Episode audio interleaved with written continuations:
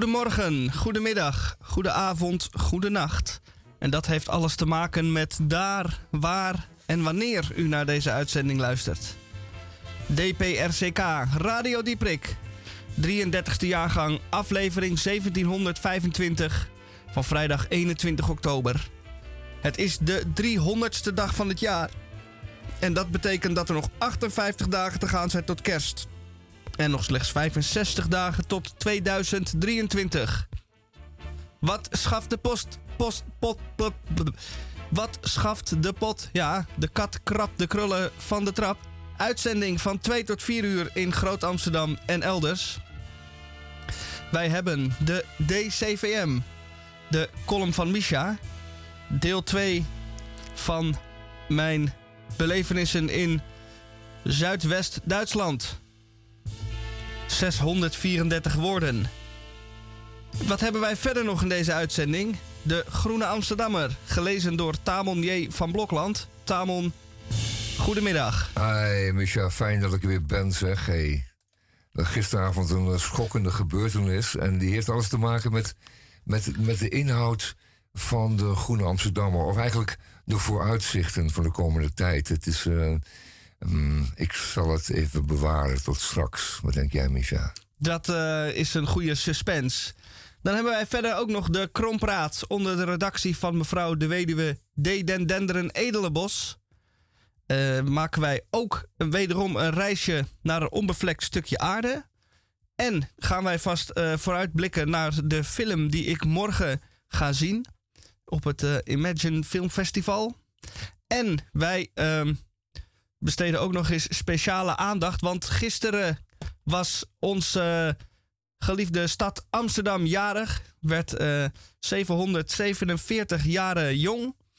En uh, wij blikken nog even terug in deze uitzending op de jubilea van de afgelopen uh, eeuwen. En hoe, hoe dat feestje uh, eruit gezien heeft. Want de voorbereidingen voor het 750-jarig bestaan over een jaar of drie... die zijn nu al in volle gang. En men kan leren van het verleden. Dus daar gaan wij eens even uitgebreid naar kijken. En dan bij Radio Dieprik, eerst maar even dit.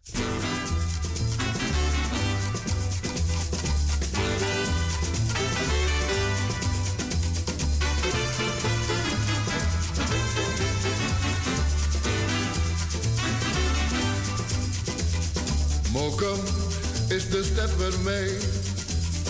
Mokum stemt me altijd blij.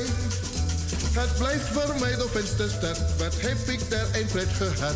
Mokum is de stad voor mij.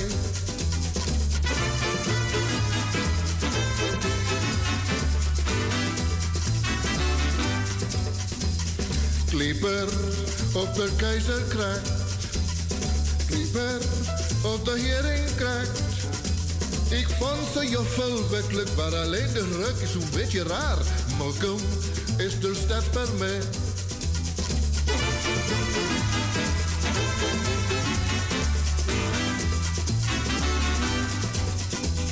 Stond er smiddags op de munt. Dat is Mokums drukste. Want kom je bij de oversteek, neem dan maar brood mee voor één week. Mokum is de stad voor mij.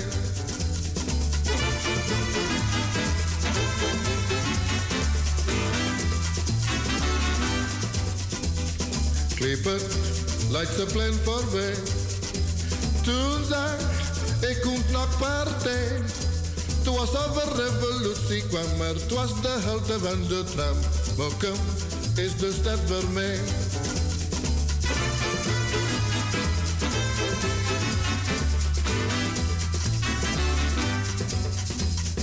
Kipper over naar Garde. De woning op de Lindenkant. Maar Mr. Black en Mr. Brown, de missen me zo in London Town. Mokum, blijf dus dat voor mij.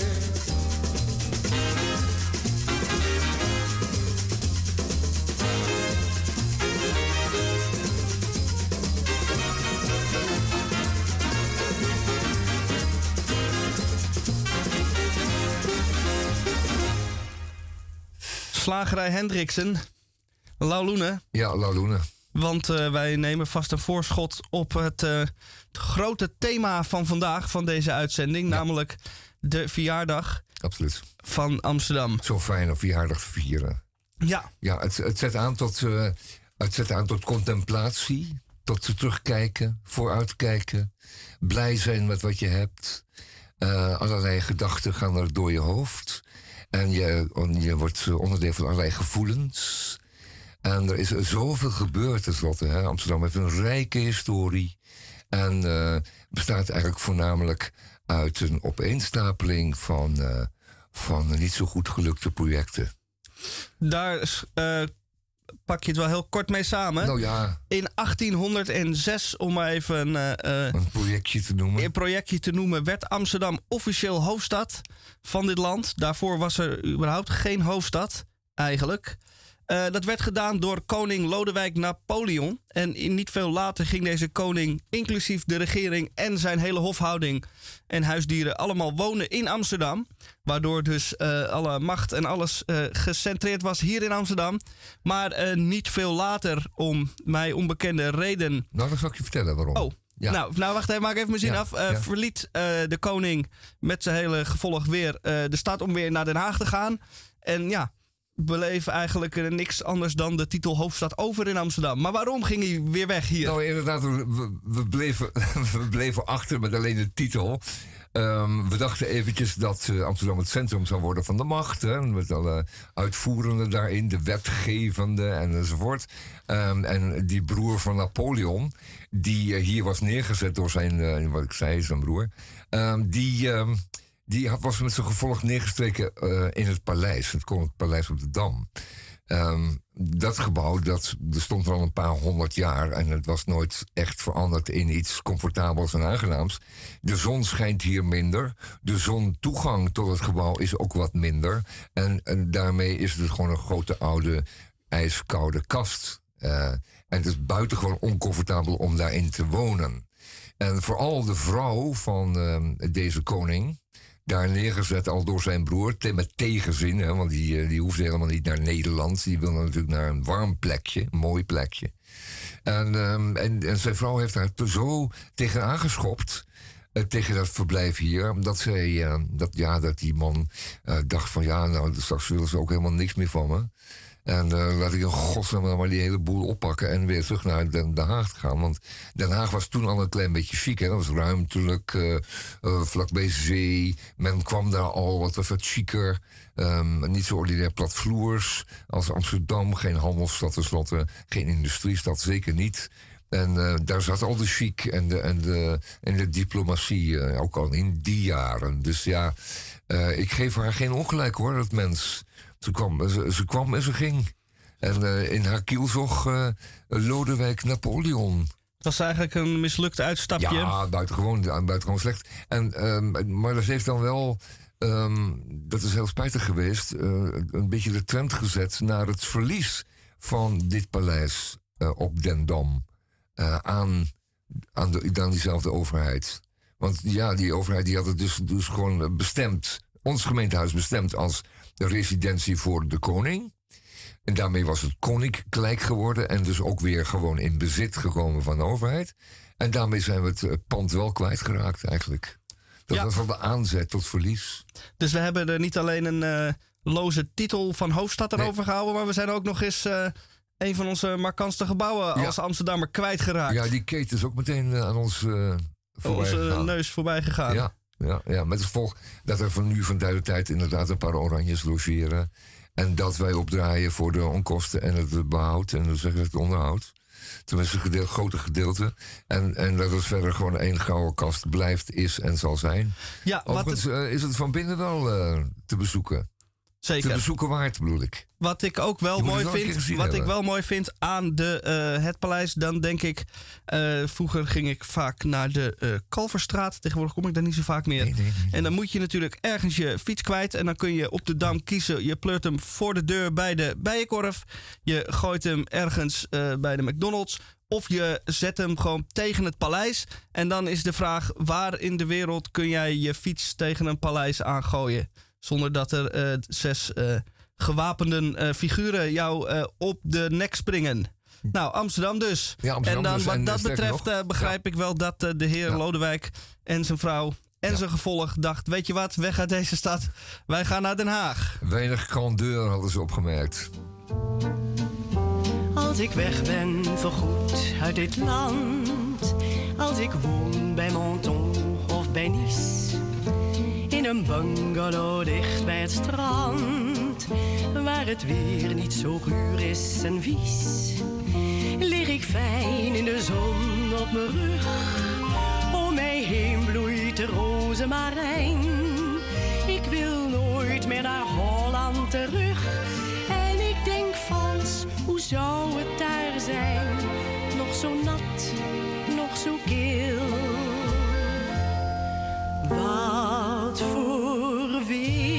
zou het zijn in Den Haag? Zijn de bomen nog kaal op het voorhout? Wat voor weer is het daar nou vandaag? Is het miserig, mistig en koud? Zijn de wolken weer laag? Valt de regen gestaag? Is lijn 9 er nog zo benauwd? Het is een vrij overbodige vraag. Wat voor weer zou het zijn in Den Haag? Wat voor weer zou het zijn in Den Haag? Noordenwind met wat nevel uit zee. Op de Dennenweg ruikt het nu vaag. Naar couperus en ook naar saté. Zou het pensionen nog zijn op het Valkenbosplein?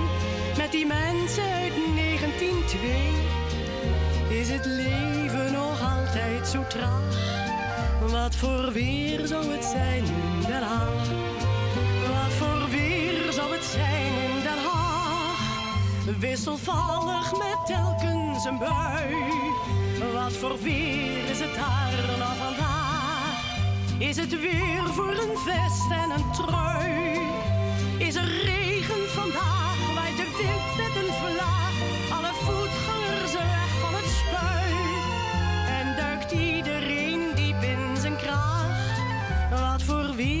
Het zijn in Den Haag?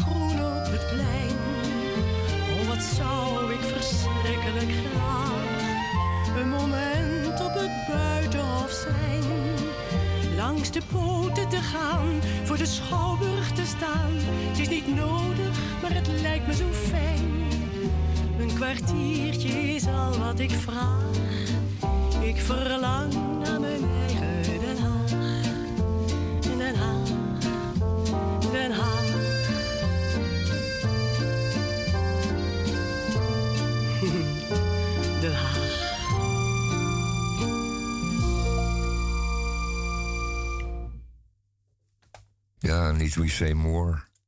Dit is eh, buitengewoon goed eh, verwoord door eh Connie Stewart. En de tekst is van Harry Banning. Nou, dan is het... De muziek? zo- ja, oh nee, de muziek, ja, neem ik raak. En wie is de tekst dan? Dan moeten we even opzoeken. Goeie vraag. Ja, en goed, tekst en muziek, prachtig gezongen door. en, en prachtig. het, het is zo mooi uitgesproken, hè? Den Haag. Wat voor weer zou het zijn in Den Haag? Moet je maar allemaal wel goed uitspreken. En zoals het op zijn Haags hoort. Ehm, dus we hadden het over de, de vrouw van Lodewijk Napoleon... die eh, een spoorslag terug Annie wilde. M.G. Smit, even snel tussendoor Oh, de tekst. Smit. Ja, kijk, dat kan al bijna niet anders, hè? Goeie tekst, goede muziek, goed gezongen. Wel, die de vrouw van eh Napoleon die die spoorslag naar eh, Den Haag terug wilde. Meden hierom, mede hierom. En wij voelen allemaal aan waarom. Want ja, ons Amsterdam, i, poeh, daar hebben we nu eenmaal een haat-liefde verhouding mee. En Zouden wij dan ook naar Den Haag gaan als het ons in Amsterdam te heet wordt? Dat weet ik niet precies. Maar eh, ik zou wel zullen weten hoeveel mensen er van Amsterdam naar Den Haag gaan en bleven. Hm, Het zullen er niet veel zijn. Verwacht ik zo. Wel, ehm, dit is een Amsterdamse radiostation, dus ik ga absoluut niet eh, in de nega over Amsterdam. En uh, binnenkort vieren we een feestje. Ehm, Amsterdam is weer, eh, was gisterjarig. Maar over drie jaar, dan gaan we het echt heel uitgebreid eh, vieren. Eh, onze verjaardag. Dan onze verjaardag. Ehm, dan bestaat Amsterdam. ehm, dan heeft Amsterdam 750 jaar stadsrechten. Ons verleend door een of andere potentaat in de tijd aan een soortje vissers die een modderig bruggetje hadden ergens op een dijkie. En die mochten dan zonder tarifas, mochten ze dan hun spulletjes verkopen. Hun rieten mandjes en hun eh vissenkoppen elders zonder eh, opcenten. Dat was het dan. Dat is het begin van Amsterdam. Eh, gefeliciteerd ermee. Maar ehm, enige jaren terug, en wel 50 jaar terug bijna, eh, had Amsterdam ook een feestje. En toen bestond Amsterdam 700 jaar. En 700, dat eh, oogde heel goed op affiches, op vlaggen, op banieren. Ehm, het sprak ontzettend aan. En het was ook het eerste feestje dat zo'n beetje weer sinds jaren in Amsterdam gevierd zou worden. Het was eh, eind 70 jaren. Dus er mocht wel eens een feestje zijn. Amsterdam was dat dan flink aan het verloeren. Want we hadden de aftermath van de leuke 60s eh, aan het eh, verwerken. En die rottige 80 jaren waren nog niet begonnen. Dus ze zaten midden in de rottige eind 70 jaren. En eh, zo is het, het feestje ook van, inderdaad van de grond gekomen. Ehm, we, gaan, we gaan nog niet in detail erop neer. Maar ik moet wel zeggen, wee, wee de gemeente. Wee de gemeente en de gemeente als die viering van 750 jaar Amsterdam net zo oerlullig wordt en zo klooiig als die van 700 was.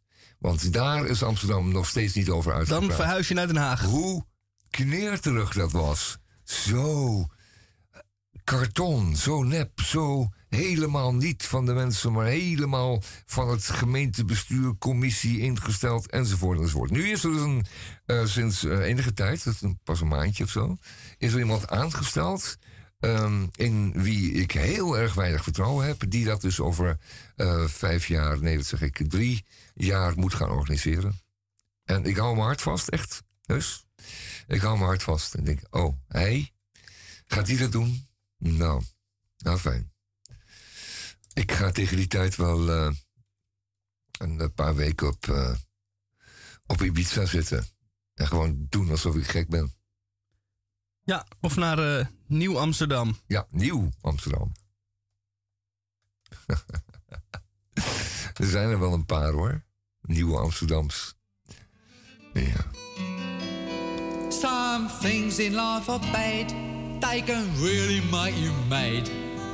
Other things just make you swear and curse. When you're chewing on life's gristle, that grumble, give a whistle. And this'll help things turn out for the best. And always look on the bright side of life. Always look on the light side of life. If life seems jolly rotten, there's something you've forgotten, and that's to laugh and smile and dance and sing. When you're feeling in the dumps, don't be silly chumps. Just purse your lips and whistle, that's the thing. Hey, always look on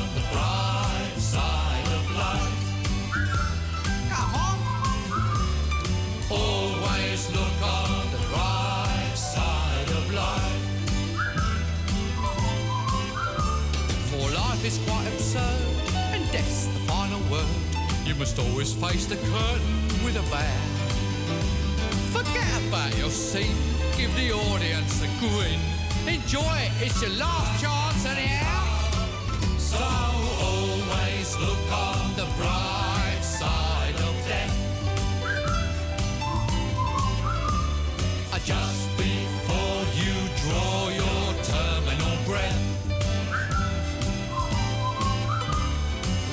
piece of shit when you look at it. Life's a laugh and death's a joke, it's true. You'll see it's all a show, keep 'em laughing as you go. Just remember that the last laugh is on you.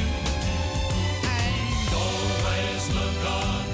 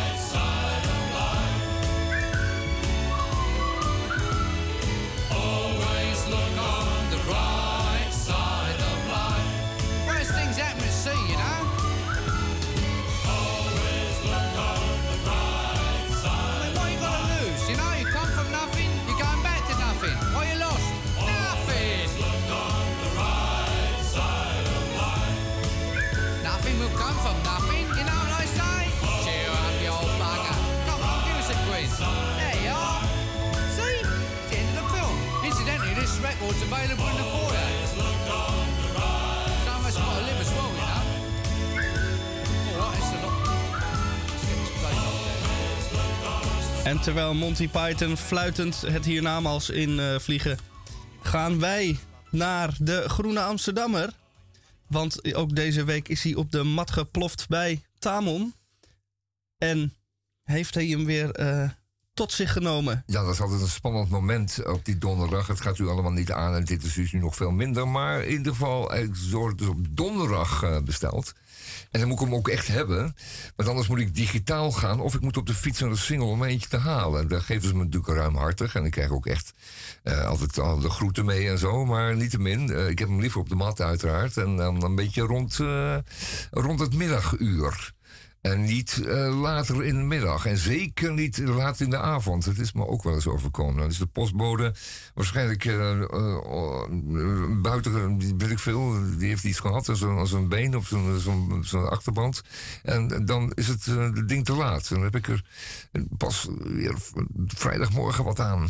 Dat is moeilijk. Dan heb ik te weinig tijd om eventjes goed door te vogelen.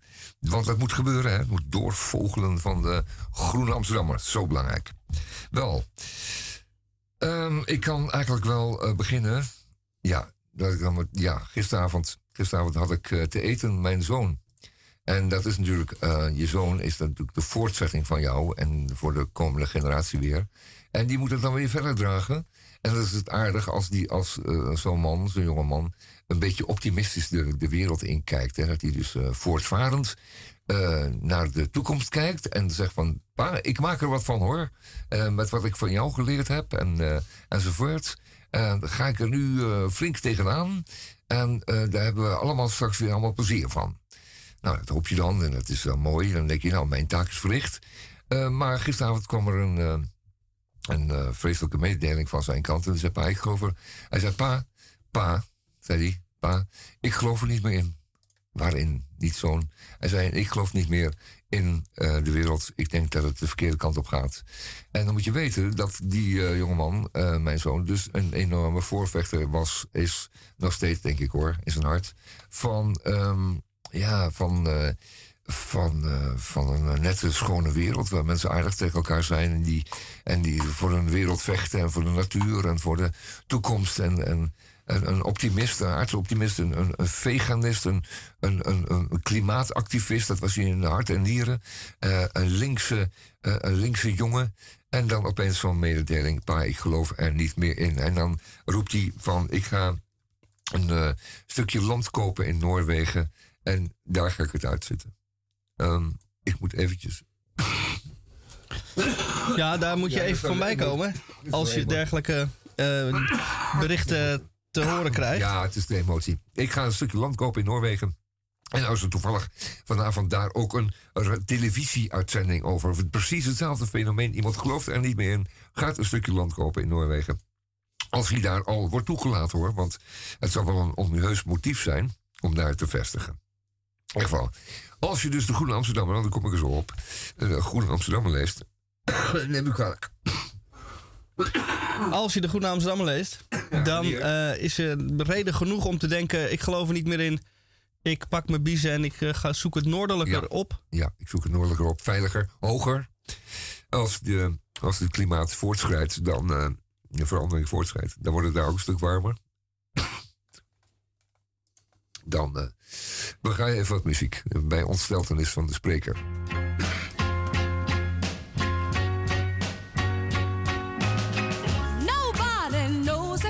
my pills.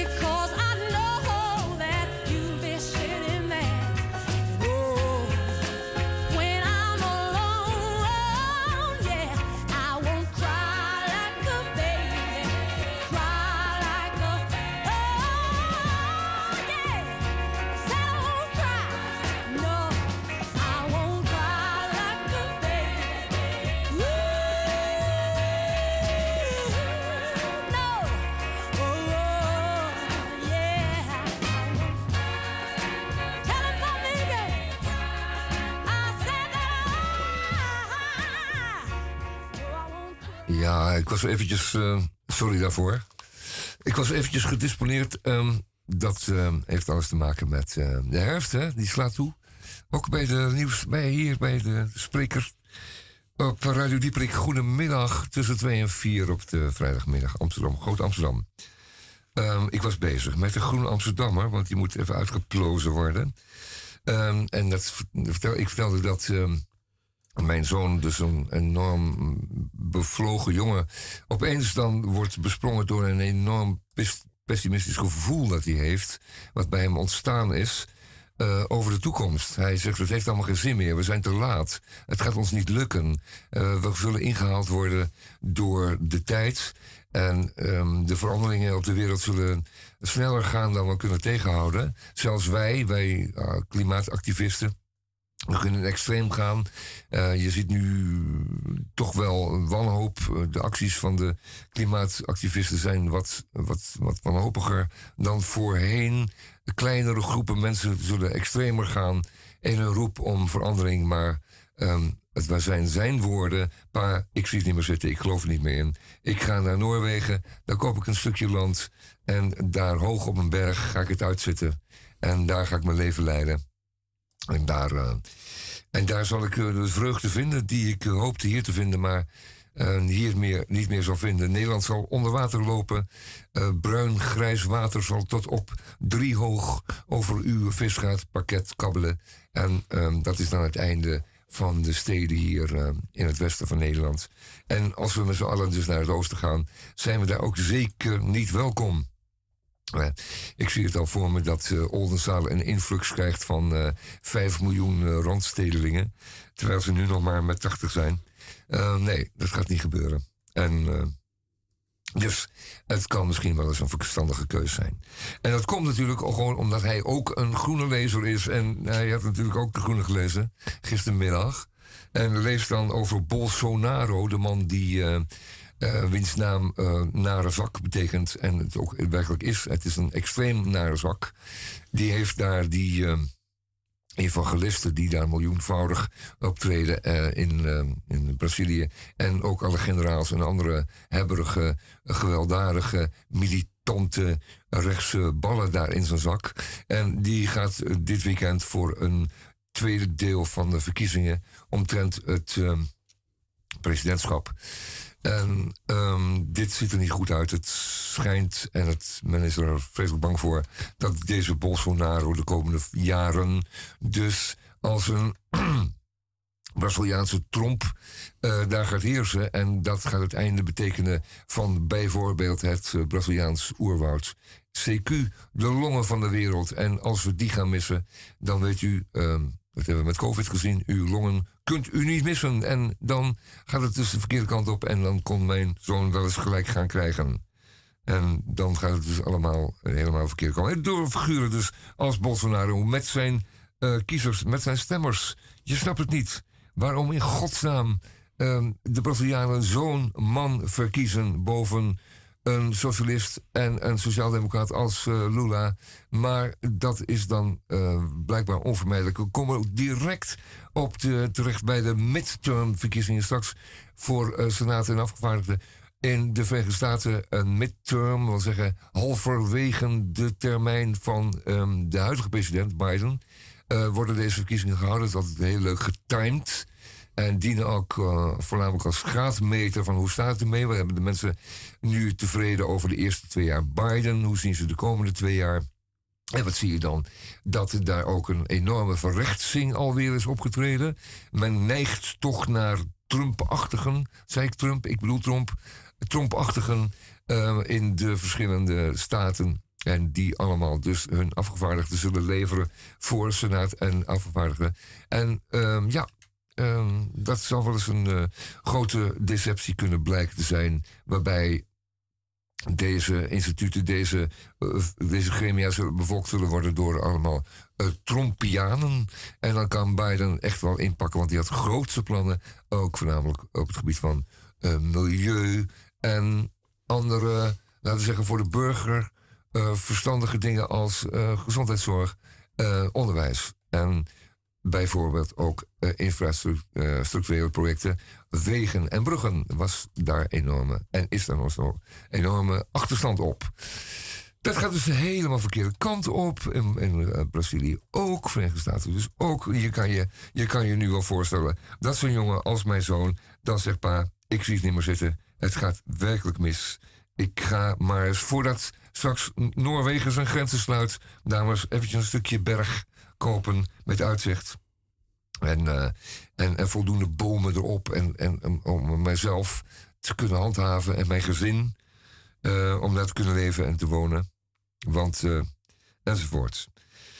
Ehm, een beetje in hetzelfde zagrijnige verhaal zit een rood nest. En een rood nest, dat is het verslag van, een, van het leven van een echte rode familie. De familie Muurman. Uit een heel klein dorpje daar in Noordoost-Groningen. Arm als de pest. In de twintig en dertiger jaren. Bruggenbrekend eh, werk op die strookkarton bij die eh, herenboeren moeten verrichten. Geen cent waard. Eh, werden met de nek aangekeken. Waren tenslotte de allerlaagste arbeiders, handarbeiders. Die, waarin voorzien werd in, Nederland. En na, de eerste, na de Tweede Wereldoorlog. Meteen na de Tweede Wereldoorlog. Oh, net daarvoor ook. Eh, waren de Sociaaldemocraten natuurlijk de ehm, verheffers van deze mensen. Daar stemden de arbeiders op. Ehm, dat was de PvdA, die, die bevatte hoop. Die moest het gaan veranderen. Die moest hun eh, status gaan opvijzelen. Daar men, kon men hoop uitputten. Daar kon men eh, met die aan het bewind, die aan de macht in Den Haag... kon men hopen op een goede toekomst voor zichzelf... en maar vooral voor hun kinderen. Dat is gebeurd.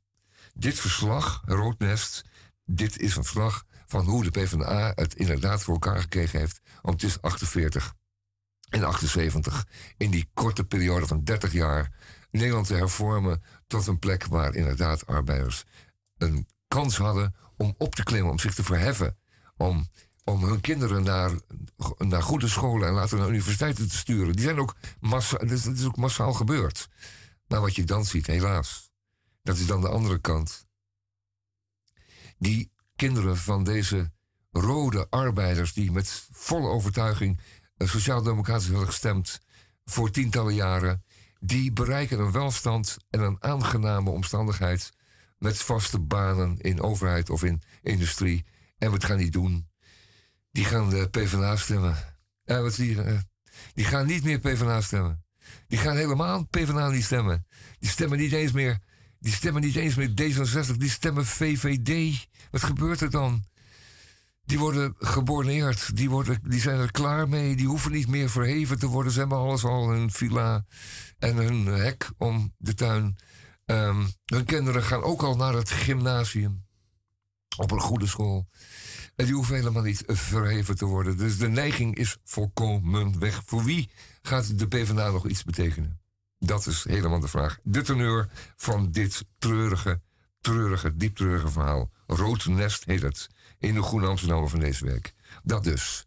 Nou, als je die drie of vier artikelen hebt gelezen, dan eh, ga je eens even naar de website van de Noorse overheid en ga eens kijken wat en eh, wanneer kan ik daar eens heen. Om eens wat rond te kijken.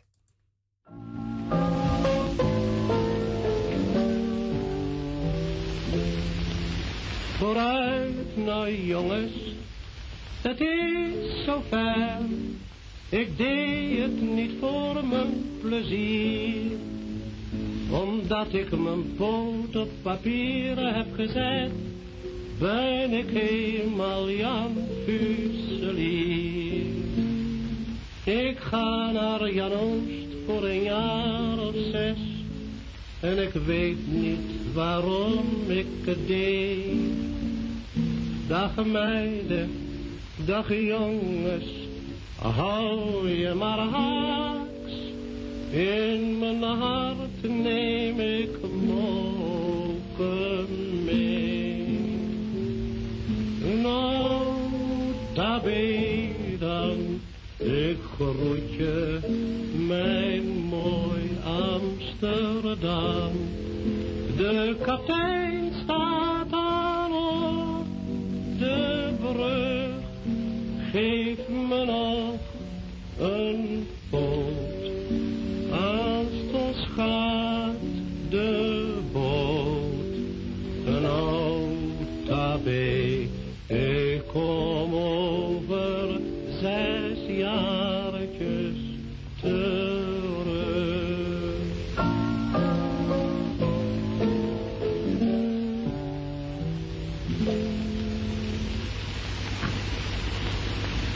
Dag moeder, ouwe, ik schrijf weer gauw. Als jij mijn portretje beziet, dan moet je niet huilen. Het is beter zo. Je zei toch, ik deugde hier niet. En als ik crepeer in het warme land, als ik voor een goed van de vlakte verdwijn. Mijn laatste gedachte, mijn laatste woord, zal voor jou, oude staker, zijn. Nou, ik groet je, mijn mooi Amsterdam. De kapitein staat al op de brug, geef me nog een boot. Aanstonds gaat de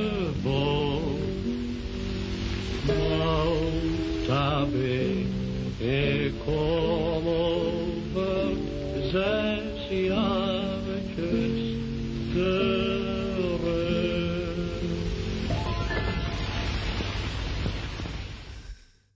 Ja, dat hakte wel even in, hè? En dat zou betekenen, ik had het er zo even over, eh, dat het wel meer dan zes jaartjes wordt. Zullen we zeggen 600 jaar? Nou ja, in ieder geval, eh, jongens, ehm, ja, het hakte wel in. Doe dan Trouwens, eh, 700 jaar, dan kun je weer een jubileum. eh, ja, eh, precies.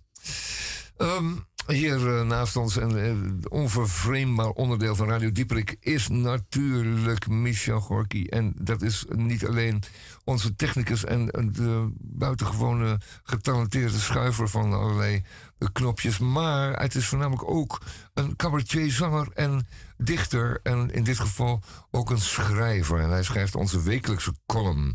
De column van Micha. En de vorige keer heeft hij het eerste deel voorgelezen, voorgedragen, moet ik zeggen.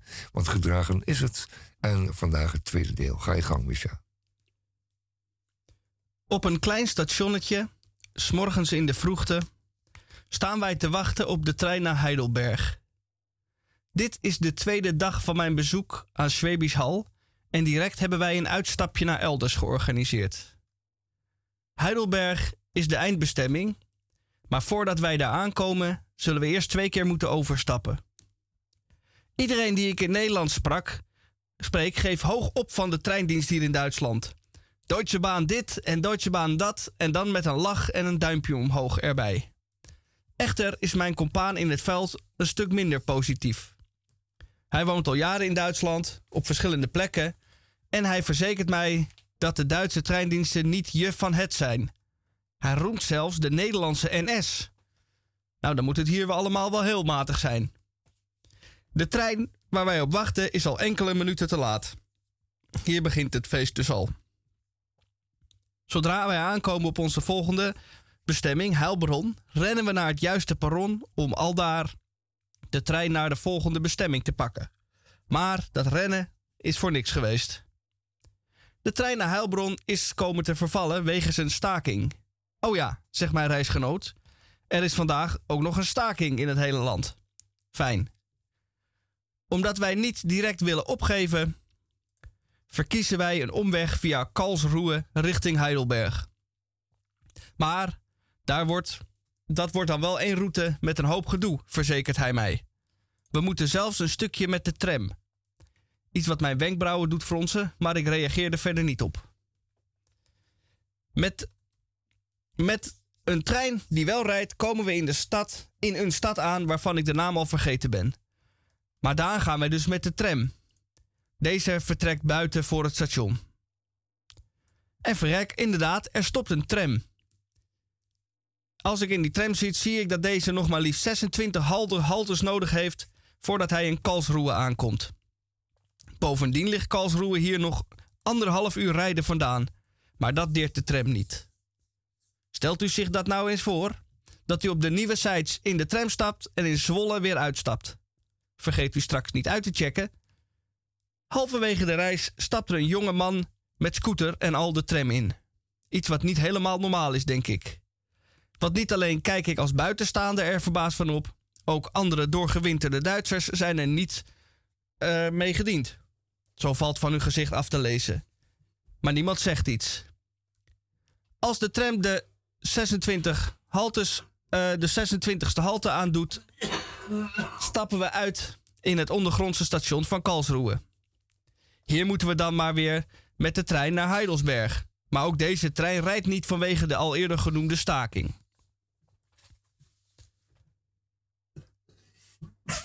Eh,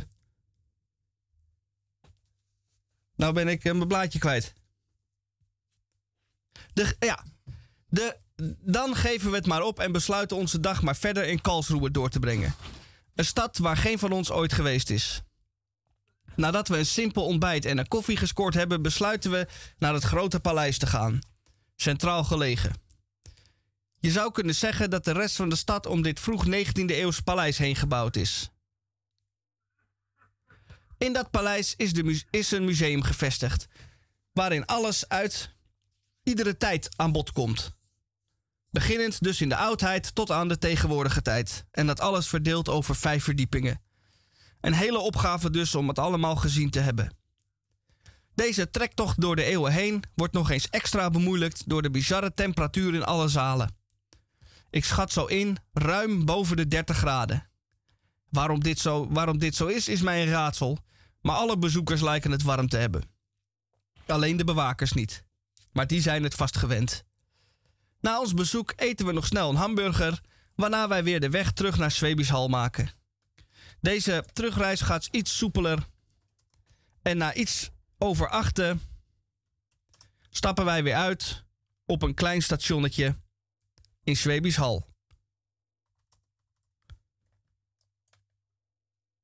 Dank u wel.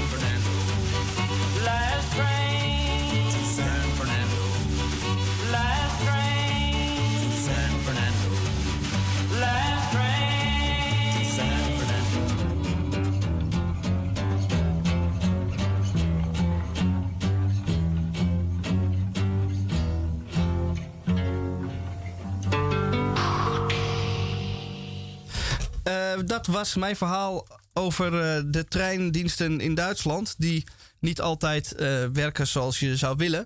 Op de terugreis heb ik, ehm, ik denk, tien uurtjes gedaan om weer in Amsterdam te geraken. Dat was, eh, ik denk, twee uur langer dan de bedoeling. Dus dat valt dan nog wel mee op zo'n stuk. Wel zat ik, ehm, ja, is mij opgevallen dat de hele reis, ik denk dat ik in vier of vijf verschillende treinen heb gezeten, geen één keer gecontroleerd ben. Helemaal nergens. Van het eh, verre kleine Zwebisch Hal tot en met Amsterdam Centraal. Geen enkele eh, controle op geen enkele wijze. Nee. Merkwaardig, hè? Ehm, ik was eh, enige tijd geleden in Riga in Letland en daar, ehm, daar checkt men ook heel consequent in.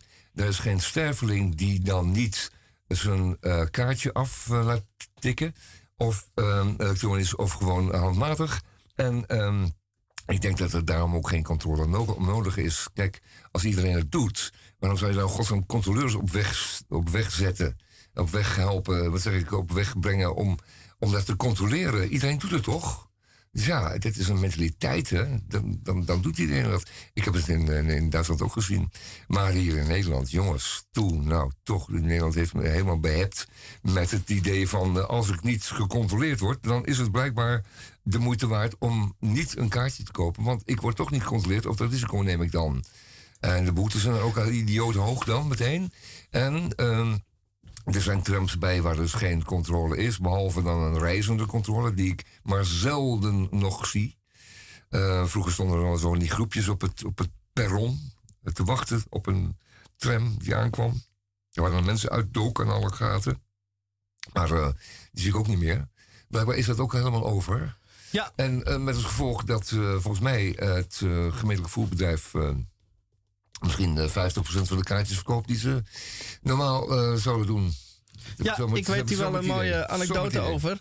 Dat de, ik kan me herinneren vroeger, ik weet niet, die trams rijden er nog één of twee. Maar je had eh, tussen de oude tram, eh, die gele modellen en de huidige Combino... had je op een gegeven moment een tram waar ehm, eh, je hoog zat... en dan de ingangen en uitgangen waren dan gelijkvloers met het eh, perron... waar je in kon stappen. En daar zat inderdaad geen eh, conducteur in. En ik weet nog heel goed dat ik wel eens ergens was... en dat we dan eh, naar huis gingen. En dan zei iemand, ja, ga met de tram... Maar die stopt dan toch hier voor de deur. En dan zei hij: Nee, ik, ga, eh, ik loop twee straten verderop. Want daar stopt dan dus zo een tram. En dan hoef je niet in te checken. Of dan hoef je niet te betalen. En dat klopt natuurlijk niet. Je moet altijd betalen. Alleen je wordt niet gecontroleerd. En dat eh, voor de Amsterdammer is dan hoef je dus niet te betalen. Als, je er, niet, als er geen pressie achter zit, geen drukmiddel. dan eh, bestaat het hele principe van toegangskaartjes ook niet. Als je gewoon door kan lopen, ja, dan is er geen toegangsprijs. Nee, dan Want, is eh, het want, ja. dus gratis. Ja, dus gratis. Dit is een, eh, een keiharde conclusie die de Amsterdammer dan trekt. En dan hoef je dus niet te betalen. En daarom doe ik het dan ook niet. Dan krijg je het gejank altijd hier in Amsterdam... dat als mensen dus elke keer de envelop proberen, wat op, proberen op te rekken... en te kijken hoe ver ze kunnen gaan... dat ze ontzettend kunnen mekkeren en janken en mouwen... als ze dan een keer betrapt worden. Weet je wel? Ja, Een- vervangen. Een café, die een, ja, een café dat eh, eh, ze legt een, eh, een dekschuit voor de deur... waarop een illegaal terras wordt uitgebuit, uitgebaat, moet ik zeggen... eh, middels uitgebuite eh, eh, serveersters. En dan, dat gaat dan jaren goed. Daar worden tonnen mee verdiend. Hè. Dat draait een tierlier. Veel meer dan een, het cafeetje alleen zou doen, hè, met wat stoeltjes binnen. Nee, dat terras, dat, dat brengt goed geld op. Er heeft dus echt gewoon honderdduizenden euro's opgebracht. Kun je er rustig van uitgaan in die warme zomers. Dan komt er een notitie van, het, van de gemeente. De handhaving, die dekschuit moet weg, u heeft er geen vergunning voor. Nou, en wat er dan gebeurt. Ja, maar zus, me zo. En dat ligt er al heel lang. En we hebben toch rechten, opgebouwde rechten en eh, historische rechten. En, eh, waarom wij en die anderen niet? Want die doen het ook. En eh, dat is altijd van een treurigmakend gehalte. Dat wordt uitgevochten in de, in de krant. En ik denk dan altijd, krijg nou het ene weer. Krijg Nou, toch allemaal ja. de kleren. Wees nou gewoon dankbaar voor die eh, tonnen die je, hebt, eh, die je hebt verdiend. En mekker niet en haal het ding weg. Het heeft geduurd zolang het duurde. Maar dan toch, hè, in, toch in de aanval. En dan buurtbewoners bij betrekken. Ja, ik heb er helemaal geen les van dit, eh dit terras. Nee, is gezellig en het draagt echt toe bij. En de buurt, nee, het is allemaal niet waar. Het is gewoon allemaal niet waar. De, de, de, de horeca in zijn algemeenheid moet niet en mag niet mouwen. Klaar. Juist. En met dit, eh, eh, eh, hiermee sluiten wij het eerste uur van Oh, Radio? Dieprik af. Nee, het gaat de tijd En wij zien u straks terug in het zeker. tweede uur. Ja. Waarin wij nog een heleboel gaan bespreken. We Ja, gaan vet. Ja, we gaan. Ja, oh, gedichten uit de gids natuurlijk. Ja, Ja, natuurlijk. de gids, ja. En we gaan ook verder op de verjaardag van Amsterdam. En we sluiten natuurlijk af met niemand minder dan de King himself.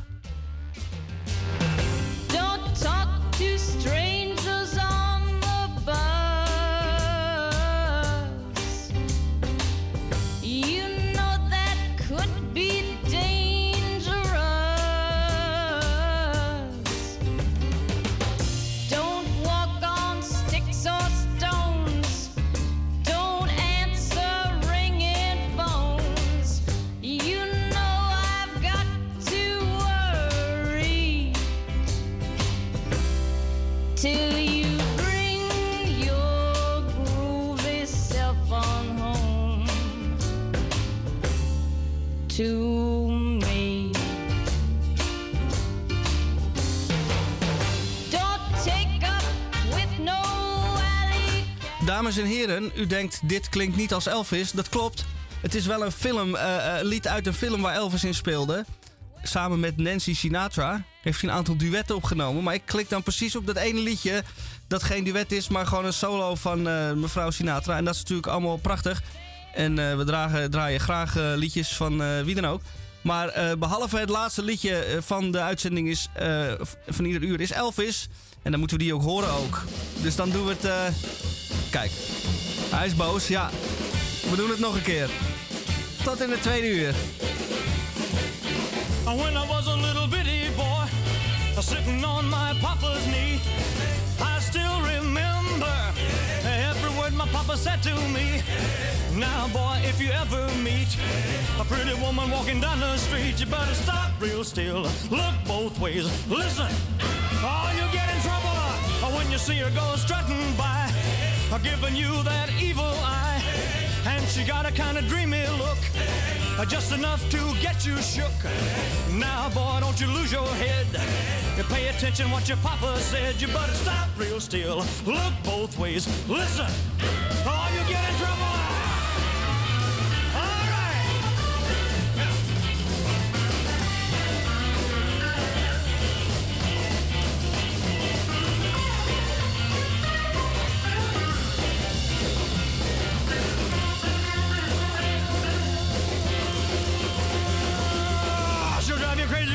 She walks.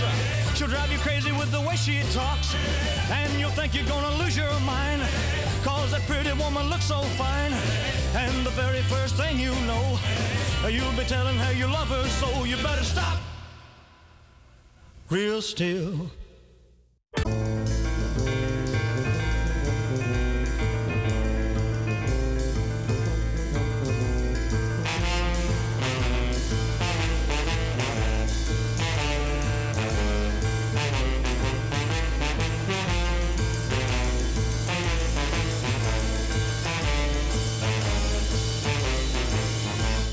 Goedemorgen, goedemiddag, goedenavond, goedenacht. En ik heet u van hartelijk welkom in het tweede uur van Radio Dieprik. De 33ste jaargang. Aflevering 1725 van vrijdag 28 oktober. Het is de 300ste dag van het jaar. En eh, dat betekent dus nog 65 dagen aftellen. En dan is het alweer 2023. Kunt u het zich voorstellen? U zult wel moeten. Wat gaan wij nog doen in het tweede uur? Nou, we hebben nog een heleboel eh, voor u in petto. Natuurlijk gaan we nog uitgebreid verder spreken over hoe wij straks over een jaar of drie het ehm 750-jarig bestaan van Amsterdam op juiste en gepaste wijze eh, kunnen vieren. Want als ik Tamon mag geloven, was het in 1965 eh, 75 moet ik zeggen, geen eh, feest. Althans, het was een eh, waardeloos feest. En dat kan natuurlijk beter. Want je, bent maar één keer, je wordt maar één keer 750, zeg ik dan maar. Dus laten we daar dan eh, eh, in hemelsnaam iets eh, moois van maken. Verder gaan we ook nog even kort eh, een reisje rond de wereld maken. En gaan we iets eten op een plek waar u wellicht nog nooit van gehoord heeft. Eh, ehm, maar wij, waar, waar wij u eh, gaan ehm, laten zien wat de culinaire eh, schatten van dat stukje aarde zijn. Waar we naartoe gaan, zeg ik nog niet. Want dat hou ik, houden we nog even geheim. En ik ga ook nog even vooruitblikken op een film waar ik morgen naartoe ga. Een Spaanse horror thriller film waar ik erg naar uitkijk. En dan bij Radio Dieprik. Eerst maar even dit.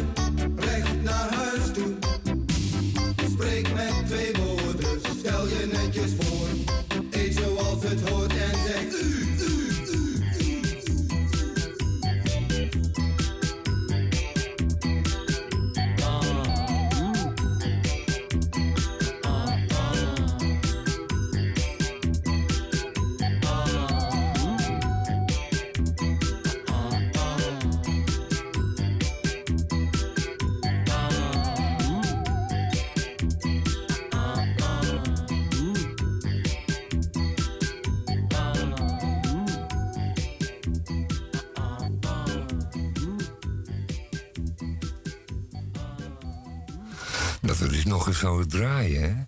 Toch bijzonder. Maar fijn. Een beetje de voorkeur van Misha. Het is zijn generatie, dus hij mag het. Ehm, ik ben er van een andere en dat geeft een, eh, dat geeft een eh, gezellige spanning aan Radio Dieperik. Op de vrijdagmiddag tussen 2 en 4. Begin van het weekend. Ehm, ik moet het even hebben over iets zwaar cultureels. En dat is de Cello Biennale. Die zich op dit moment afspeelt in het muziekgebouw hier op de Piet Heinkade. Eh, muziekgebouw is een, eh, is een prachtig gebouw eh, voor contemporaire, contemporaire muziek. Hedendaagse muziek. Hoewel ook voldoende serieuze en klassieke muziek wordt uitgevoerd. Maar niettemin, dat is gekomen in de tijd door, op voorspraak van de heer Wolf. Die in zijn tijd in de IJsbreker zo'n centrum had voor muziek. En ehm, hij heeft daar heel veel voor gelobbyd. Het is een, eh, een eh, hele hardnekkige kerel, mocht hem wel. En die heeft daar toen samen met eh, de BIM-organisatie... die een, eh, een, jazz, een jazztempel hadden op de gracht... ergens in, vlakbij...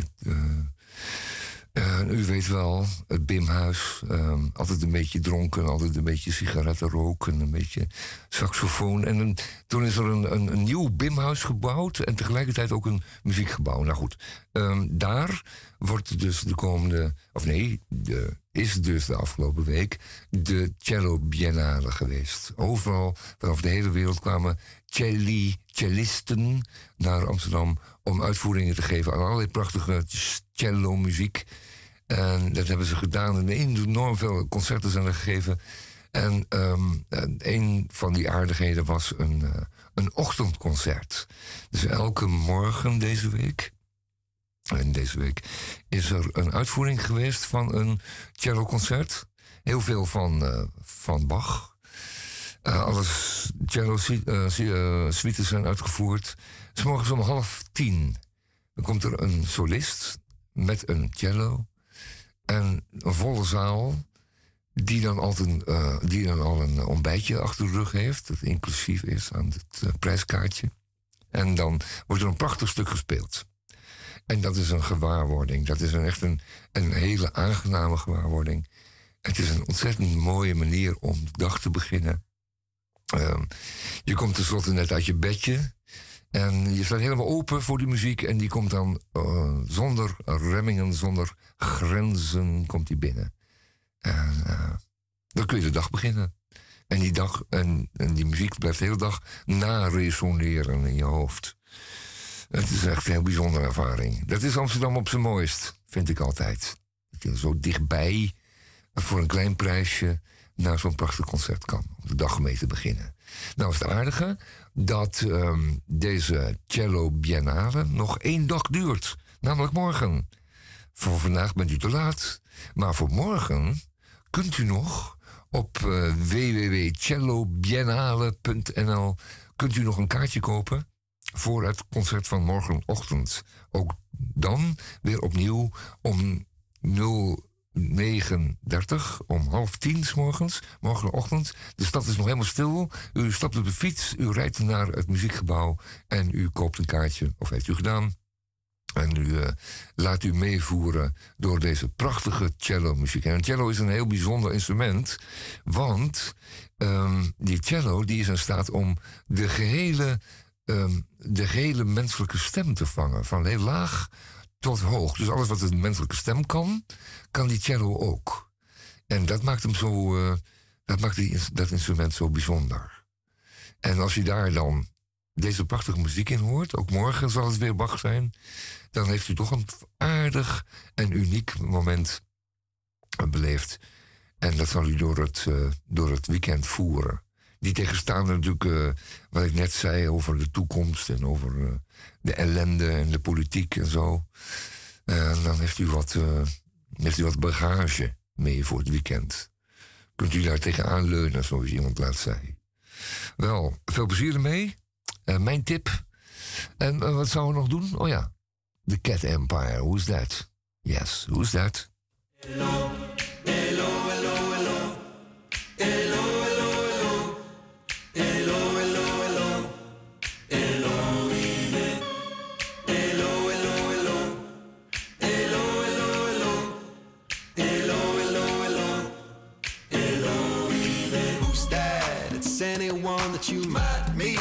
Colliding with on the same street, just gliding over the concrete. L-O-E-V, who's that? It's anyone that you don't know yet, anyone that you might know. It's anyone who just wants tonight to be something different. Hello, hello,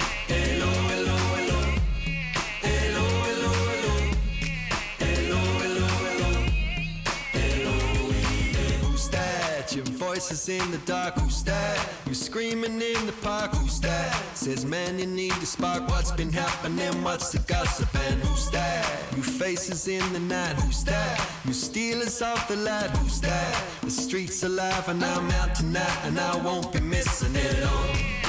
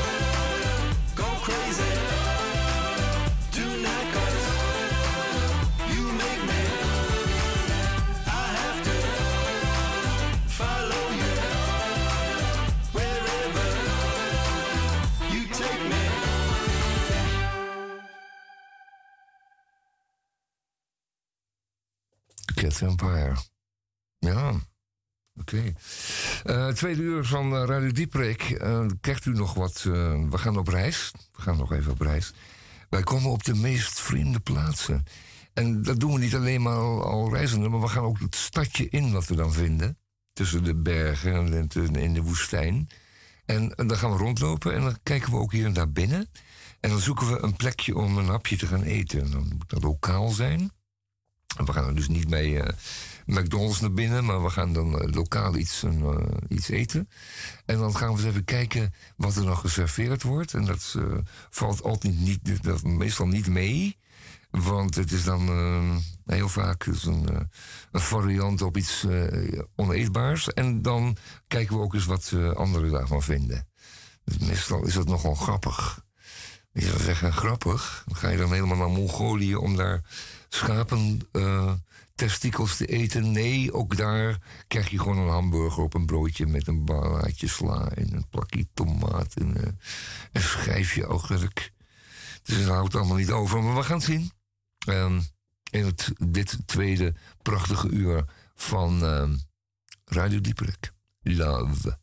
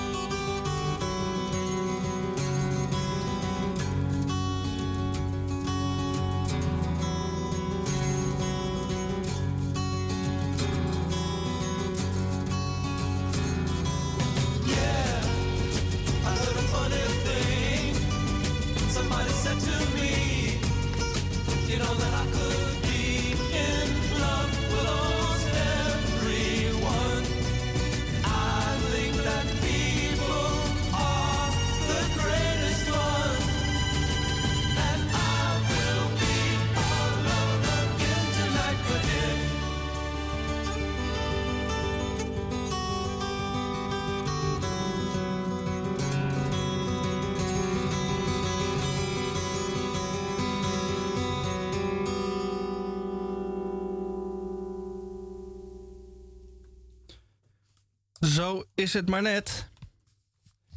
En wij eh, van Radio Dieprik zijn natuurlijk van Groot Amsterdam, maar wij maken af en toe ook wel eens een uitstapje naar een andere plek op aarde, waarvan u zegt, ehm, eh, wat moeten jullie daar? Nou, wat wij daar het liefste doen is eten. En eh, zodoende hebben wij nu ook weer een plek gevonden om ons eens even te laten leiden. En we ja, zijn dus in rustig verwennen. Verwennen. Ja. Wij zijn nu in Luada. Luada. Luada. En waar ligt dat, vraagt u zich af? Nou, dat ligt eh, in het noordwesten van Angola. Want daar zijn wij nog niet geweest. In Angola of? In Angola, aan de eh, westkust eh, van Afrika, Ja, is het een, een eh, havenstad. En daar zijn wij dan. Is het Luanda of Luanda? Het is Luanda. Ja, dat is Luanda. Ehm, voormalige Portugese kolonie. Ehm, de strijd in Angola is niet goed uitgepakt. Het is nu een, eh, een, ook een failed state, zoals het eh, al veel landen in, helaas in Afrika zijn. En ehm, eh, in de tijd van de Portugese overheersing, zullen we zeggen, de koloniale tijd, was het een, eh, een olie, een heel rijk olieland. En men vond daar eh, veel en eh, veel diamanten. Ik verwacht dat het culinair nog wel Portugees zal zijn. Dat verwacht ik. Ja, Gaan we zien. wij zijn aangekomen in Mercado do Pi- Piaixe. In mijn talenkennis reikt niet ver genoeg om dit goed uit te spreken, maar dat geeft niet. Nee. Het is een eh poepchic restaurant. We hebben alvast een eh, fles wijn in een... Mercado de Peixe. En dat is een eh, vismarkt. Ja, we hebben een, vast een fles wijn in een aluminiumkleurige bak laten bestellen waar een handdoek overheen ligt. En nou, hier krijgt u inderdaad het eerste visgerecht te zien. Open gesneden aan twee kanten. Ehm, en gevuld met groene dingetjes. Nou, dat ziet er lekker uit. Beetje gegrild lijkt het. Nou, dat is zeer eetbaar. Eh, mosselen, dat lust ik ook wel. Hier eh, zien we het eh, aanbod van vis in de toonbank liggen. Dat is het leuke aan dit restaurant. Dat je in een eh, eh, eh, Bali toonbank kunt aanwijzen wat je wil. Dan liggen de vissen vers. eh, Goede oude eh, Portugese traditie overigens. ja, Dat je kunt aanwijzen wat je wil hebben. Als je daar een visrestaurant vooral binnenkomt, dan, dan moet je dus aanwijzen wat je wil hebben. Dat is heel goed, want dan kun je gewoon eh, daar op die basis kun je al verwachten dat het extra speciaal wordt. Daar gaan ze ook echt iets moois van maken. Luanda dus. En eh, wat zien we daar? Nou, dit vind ik wel een interessant bordje. Want wij zien hier eh, een rechthoekig bord. Mooi designbord. Waarop een kwartje limoen ligt. En op dat bord eh, ook een olieachtig sausje. Beetje met groene dingetjes erin. Mooi eh, eh, gefigureerd op het bord geplaatst. Maar daar blijft het dan bij. Dus we zien alleen limoen en een sausje.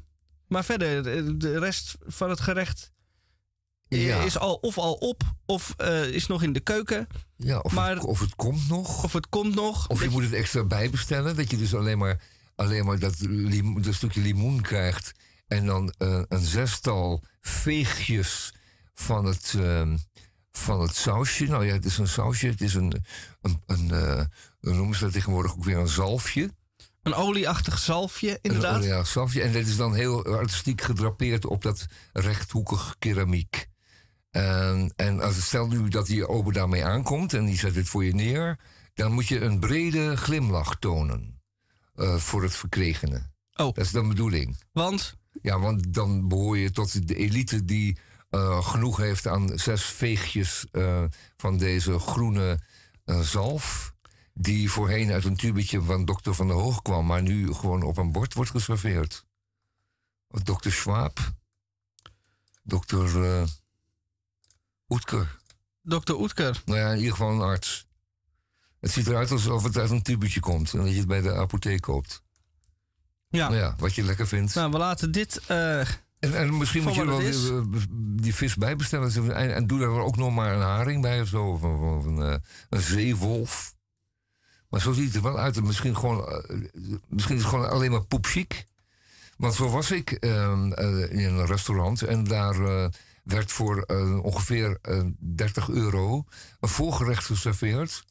Eh, en dat bestond voornamelijk, nee, hoofdzakelijk, nee, eh, volledig uit parelgort. En parelgort, dat is een eh, gerecht wat eh, vroeger alleen maar hele erge arme mensen aten.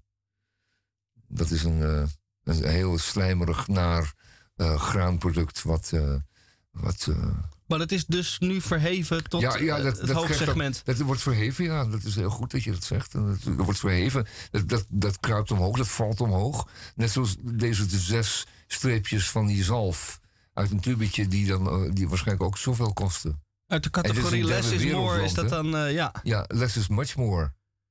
Le- Less is far more. Nou, nu wil ik nog wat zien. Nou, we zijn nu in de Luanda Bar aangekomen. En daar heb gewoon aardappelen zien, hoor, graag. bar snacks. Nou, hier hebben we frietjes. Ja. Met een gebakken eitje en rijst. Kijk. Dat is een goede combinatie. Ja, Friet met ei en rijst. Ja, frieten met rijst, dat is natuurlijk aardappelen en rijstcombinatie, dat is typisch Portugees. Dat, Ja. Kunnen, ja, dat kunnen ze niet nalaten om te serveren. Krijg je in Brazilië ook overal, Portugal krijg je het overal en dus blijkbaar ook in de voormalige koloniën. Eh, die combinatie, daar houdt men van. Dat vindt, men, men beschouwt eh, die friet als een groente en rijst als het hoofdbestanddeel. Ah, dat is interessant. En ja, dat is zeker interessant, want dat, dat, dat maakt het voor ons ook, ook makkelijker om straks eh, naar de snackbar te gaan. Zeg maar, doe maar een bakje groente met pindasaus. En dan bedoel je gewoon friet. Weet je wel? Ja, nou toch? gaan wij eventjes een oversteekje maken. Want wij hebben ons eh, eh, gedrapeerde zalfje op. En we hebben het wel weer gezien in Angola. En Ja, toevallig gaat er eh, aan de kust van Luanda een pontje naar de overkant. En met de overkant bedoel ik dan Brazilië. Oh. En daar zijn wij dan nu aangekomen. En hier lopen we dan even door de straten van Recife. Recife. Hoe, hoe u wilt. Nou, de straten zijn leeg. Palmbomen zie ik wel. En verder eh, eh, veel muren. De eh, Braziliaan heeft geen, liever geen inkijk. Want eh, alle voortuintjes zijn vakkundig afgemetseld. Dus waardoor hij dus niet kan zien wat Nee. zal- Tante Eh, op, het, op, het, eh, op het vensterbank op, heeft het, staan. op de, de zwaar, ja. Ja, op het de zwaarheid. Met Eh, het heeft alles te maken met een soort paranoia voor gewelddadigheid. Die heerst in deze steden. Recife is er niet anders van. In het tijdperk van Bolsonaro zijn er eh, 3 miljoen wapens bijgekomen. Men is daar ruimhartig geweest met het verstrekken van wapenvergunningen. Met als gevolg dat iedereen zich aan het bewapenen is daar natuurlijk tegen. Want ehm, het gebeurt altijd. als die buurman een wapen heeft, moet je er natuurlijk ook een hebben. Want straks komt die eh, een of ander geschil beslechten met een, eh, met een punt 45. En dan heb jij niks. Dus je moet wel. En dat zou een receiver natuurlijk ook gebeuren. Ja, hier zijn wij nu aangekomen bij het volgende eh, restaurant. Terrago, Terrasso do Sabor. Ja. En wij zien hier prachtige... Smaak. Smaak. Nou, Ja. dit is het restaurant met veel smaak. Ja. Terras met smaak. Ehm, eh, ja, de tafels zijn vrij simpel en minimalistisch. Ja, dat is goed teken. Ja, plastic eh, eh, tafelkleden. Dat is natuurlijk om het schoon te houden. Maar dan kun je ook er doorheen kijken om hoe de, de werkelijke tafel er dan uitziet. Nou, die ziet er wit en vierkant uit. En erop staan alvast flesjes met verschillende sauzen klaar. En hier voor 10 euro kunt u een experimente krijgen. Hey. Dat is een bord met van alles en nog wat. Ik zie, Experimente. ik zie bonen en rijst en, groene, en tomaten en groene dingetjes. Dus dat lusten we wel. We hebben ook, het is een open keuken, dus u kijkt zo recht tegen de eh, mensen die aan het koken zijn aan. Wat heel goed is, want dan kunnen ze niet, eh, Je kunt niet sjoemelen. geen, niet sjoemelen. Ehm, ja, En dat voor 10 euro, man. En dat voor 10 euro. En je zei bonen en rijst ook niet opnieuw, hè? Bonen en rijst zie ik, ja. Ja, dat is ook weer Zuid-Amerikaans, die bonen- en rijstcombinatie. Dat krijg je in dat eh, enorme continent ook overal. Maar dat is een beetje een volksvoedsel. Ah. En dat zijn gelukkig geen zalfjes, zes op een rij, met, eh, met zo'n artistiek haaltje eraan. Van die neppen. En dit is echt een goed bord eten. Bonen en rijst, daar kun je, daar kun je wat mee. Dan kun je hier, wel een dagje op vissen. juist. Dan hebben we hier de Habibs. Ja? Dat Ook is lekker. een, denk ik een keten die in Brazilië bekend is, in Europa niet. Habibs. En dit is nogal populair restaurant. Want alle Google-gebruikers hebben maar liefst 1018 foto's achtergelaten van Kijk. dit restaurant. En wat ik wil horen, is natuurlijk wat ze, wat ze ervan vonden. Heb je, heb je een recensie? Heb ik recensies? Nou, die heb ik zeker. Daar zijn er ook maar liefst 8,3 duizend eh, van achtergelaten. En die gaan we alle 8 8000 even voor u eh, doorspitten.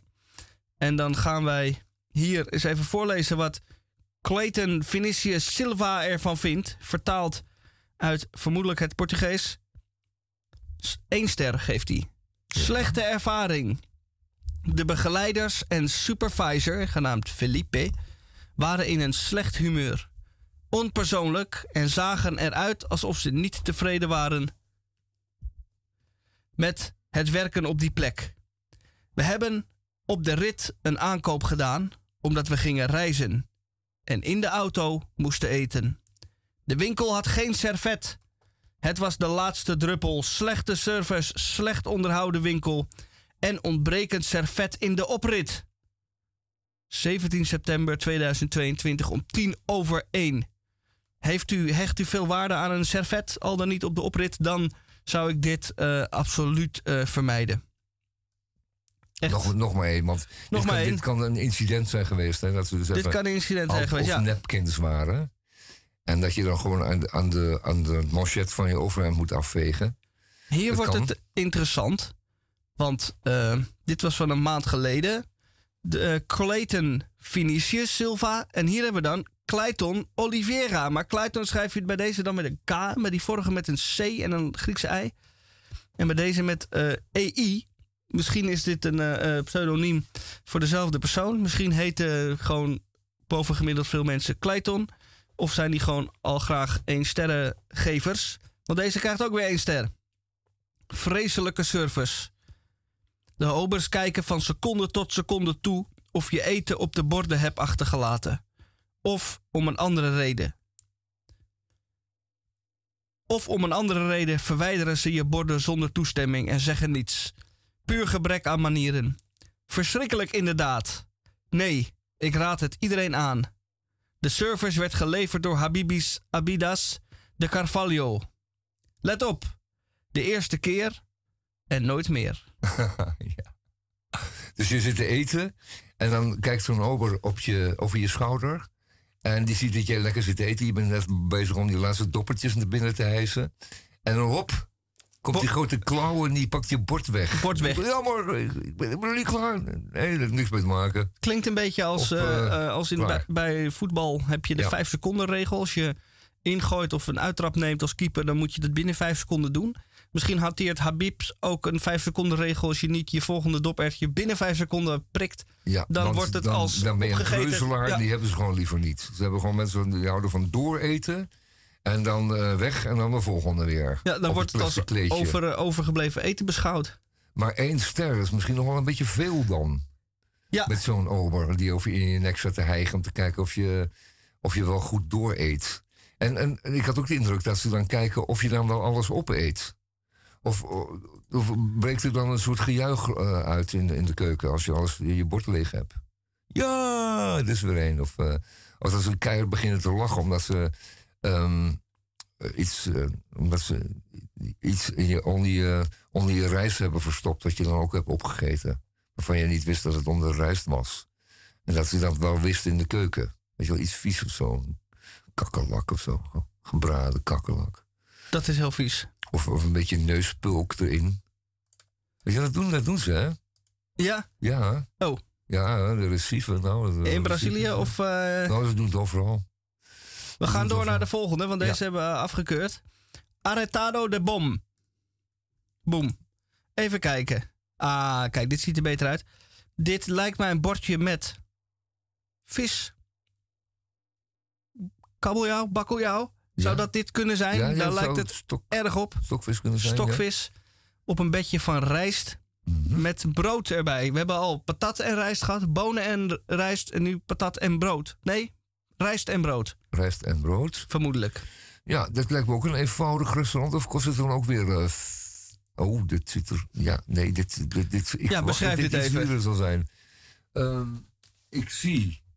Ik, ik zie natuurlijk wat u niet ziet, maar ik zie dus een bord met wederom rijst. En dat is dan waarschijnlijk van de bodem van het pannetje geschept. Want het heeft diezelfde omvang en afmeting als de bodem van een aangekoekt rijstpannetje. Dan is er wat slordigheid over die rijst geschept. Het lijkt een, eh, een, een ei, mislukt gebakken ei. Weet je wel, dat je iets te lang hebt gedaan en het droog geworden is. En dat je dan ook wederom van het bodem van het pannetje moet afschrapen. En dan is er daarnaast een eh, blikje opengetrokken. En dat is zo'n blikje van Del Monte eh, fruitfantasie. Nou, onbestemde brokjes, eh, wat vermoedelijk fruit is. En daar is ook een tomaat over gedropeerd. Gedropeerd, een schijfje althans. En dat is bekroond met een eh, toefje peterselie lijkt het wel. Maar het Zeker. absolute hoogtepunt, dat is het gevaarte wat er middenin staat. En dat is een, eh, een, gevaarte midden op je bord, wat er hooggebogen van uittorent. En dat bestaat uit een gele, het is een gele unit met een grote rode band daaromheen. Het is, zou een vrucht kunnen zijn. Het zou een, een ingewand van een exotisch dier kunnen zijn. Nou, of zo'n bestaat uit eh, eh, kleinere delen, ja. samengeperst, Oh, ja. rijst of een andere eh, Oh, ja. gekookte Een graan. beetje inzoomen. in Ja. vorm geperst. En er zit inderdaad, u moet denken aan een, de vorm van een kerstbal. Ja, Ook dus met het eh, puntje Ja. bovenop, zeg maar, het, Ja. eh, waar je hem ophangt. Ja. En, ehm, ja, en dan geel, rood, geel. Geel, rood, geel. Oh, het lijkt ook een beetje op een bom. En dat klopt wel, want het restaurant heet Artado de Bom. Dus ik denk dat dit gewoon de bom is die je bij je eten krijgt. Oh ja, dus we eten daar rijst met rijst. Ja, en hier hebben we weer een Doet bom. u mij een bordje rijst met rijst? Ach, doet u er ook wat rijst bij? Ja, wel een tip En ik wil graag wat rijst erbij. Ja, en met rijst. Ja, en, wij met iets van rijst erbij. en wij zien hier weer een bord Mhm. met zo'nzelfde bom. Deze is volledig geel. En dan ligt er iets van vermoedelijk rundvlees of lamsvlees gestoofd. Nou, dat kan je dus helemaal niet zien. Met een sausje. Nee, kan ik niet zien, maar dat het kan is... ook wel gewoon de kat van de buren zijn hoor. Ik bedoel, Nou, ik. Die ziet er niet uit als suddevlees. Nee. Althans, de kat van mijn buren zag er niet uit als suddevlees.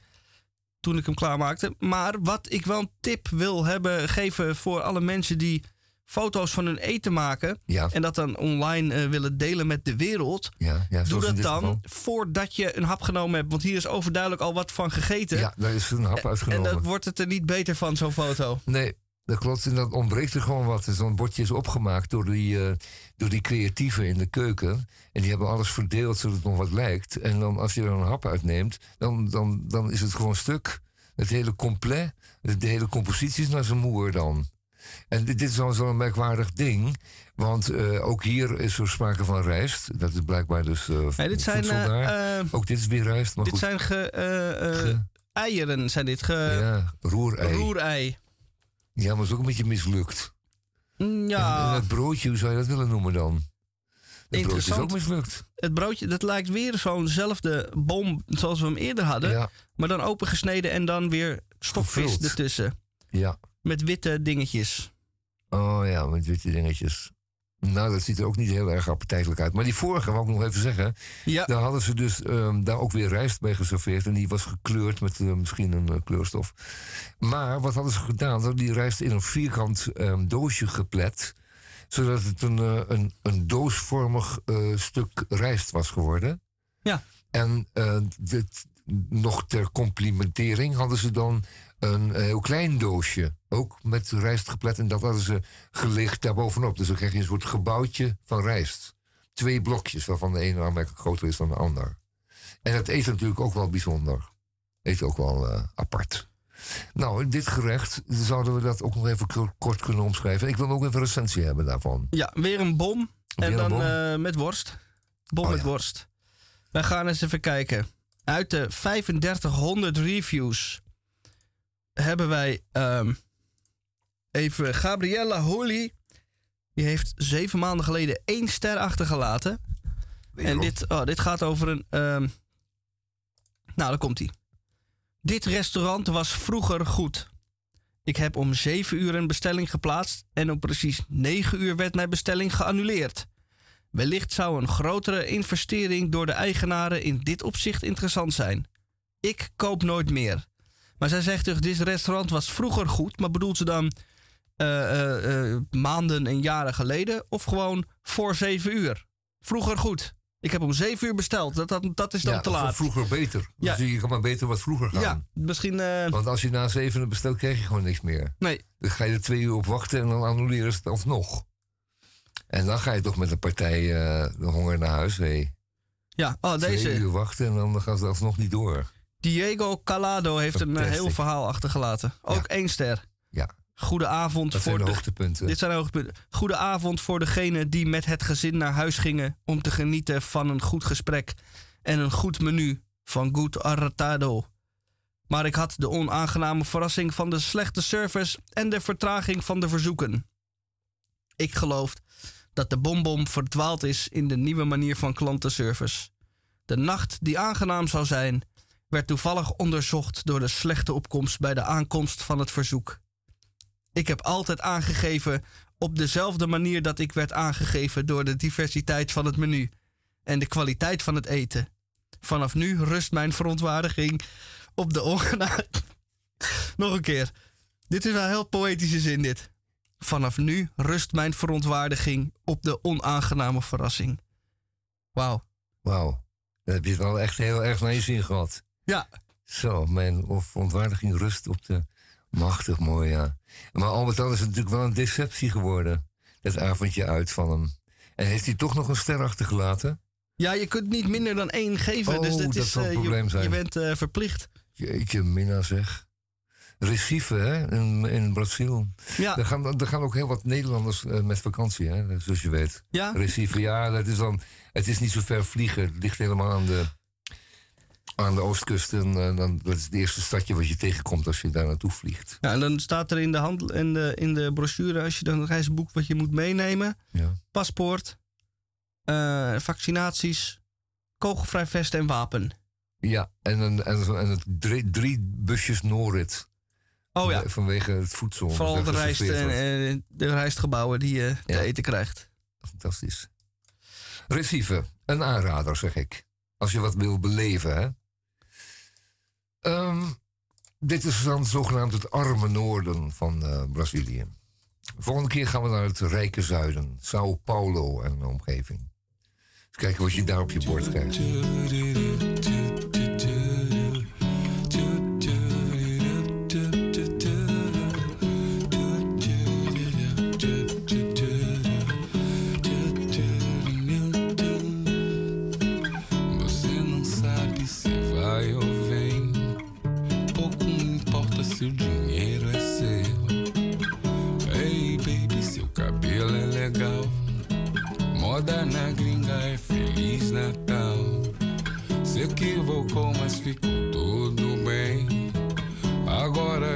Está na onda zen.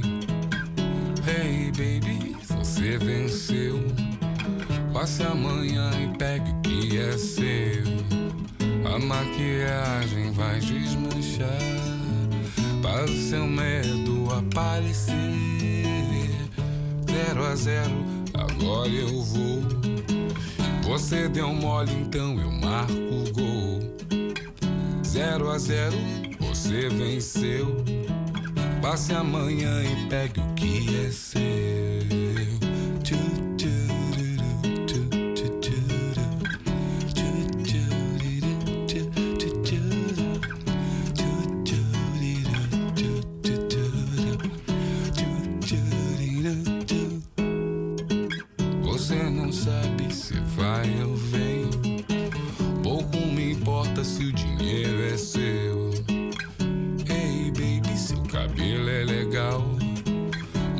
Na gringa é Feliz Natal.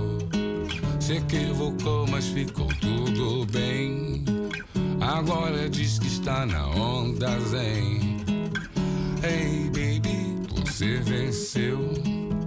Passe amanhã e pegue o que é seu. A maquiagem vai desmanchar para o seu medo aparecer. Zero a zero, agora eu vou. Você deu mole, então eu marco gol. Zero a zero, você venceu.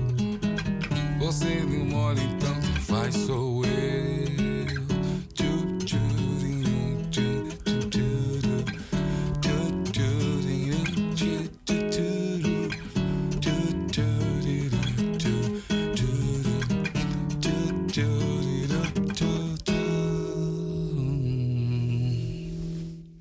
Deze uitzending hebben wij al besproken dat Amsterdam eh, gisteren jarig was. En eh, ter ere daarvan eh, stelt het Stadsarchief heel even, uitsluitend dit weekend, het tolprivilege tentoon. Daar kunt u gratis naar gaan kijken. Het eerste document ooit waar Amsterdam in genoemd werd, 1275. En dat wordt dan maar als eikpunt genomen van wanneer de stad begon. Of eh, wanneer je het een stad mocht noemen. En over drie jaar is dat dus 750 jaar geleden. En daar hoort natuurlijk een megafeest bij. En in 1975, eh, bij het 700-jarig bestaan, hebben ze dat al eens geprobeerd. Maar dat is een falikante mislukking geweest. En een ezel stoot zich natuurlijk geen twee keer tegen dezelfde steen. Dus hoe gaan wij het, deze editie, de 750ste eh, jubileum, hoe gaan we dat beter doen? Tamon, jij hebt ideeën. Nou, ja, ja, dat is het nou, nou juist. Ja, dat is het nou, nou juist. Ehm, er is een eh, algemeen gevoel hier in Amsterdam dat de stad niet meer van ons is. Dat is een ding. Dat de stad wordt overspoeld door vreemdelingen die verder met Amsterdam als zodanig niet zoveel hebben. Ehm, de Amsterdammer als zodanig, die is verdwenen uit Amsterdam. De humor, de gein, eh, de, eenvoud tegelijkertijd, die zal verdwenen zijn. Als je dus een, eh, verjaardag viert van eh, zo'n stad als de onze, met zoveel historie en zeg maar zoveel onverstoorde historie, dan zou je zeggen: laat in godsnaam op een of andere manier iets van het oude Amsterdam nog even doorklinken op zijn verjaardag over drie jaar. Hoe zouden we dat kunnen doen? Hoe zorgen ervoor dat die stad dan niet iets gaat vieren, maar dan ook weer op alleen maar, ehm, ehm, ik wil niet zeggen eh, provinciale, maar dan toch wel mensen van ver buiten Amsterdam op afkomen, inclusief eh touringcars vol eh, Chinezen en god weet wat allemaal, die, die de stad gaan verstoppen omdat er iets te doen valt er een feestje wordt gevierd, maar we dan weer geen deel aan hebben. Omdat we, als er dan invasie van, eh, van vreemdelingen, dat, dat is al het gevoelen. Laten we daar in godsnaam iets aan doen. Dus dat, je moet dus echt focussen, vind ik. En ik doe een oproep aan alle feestcommissies die er eh, in oprichting zijn.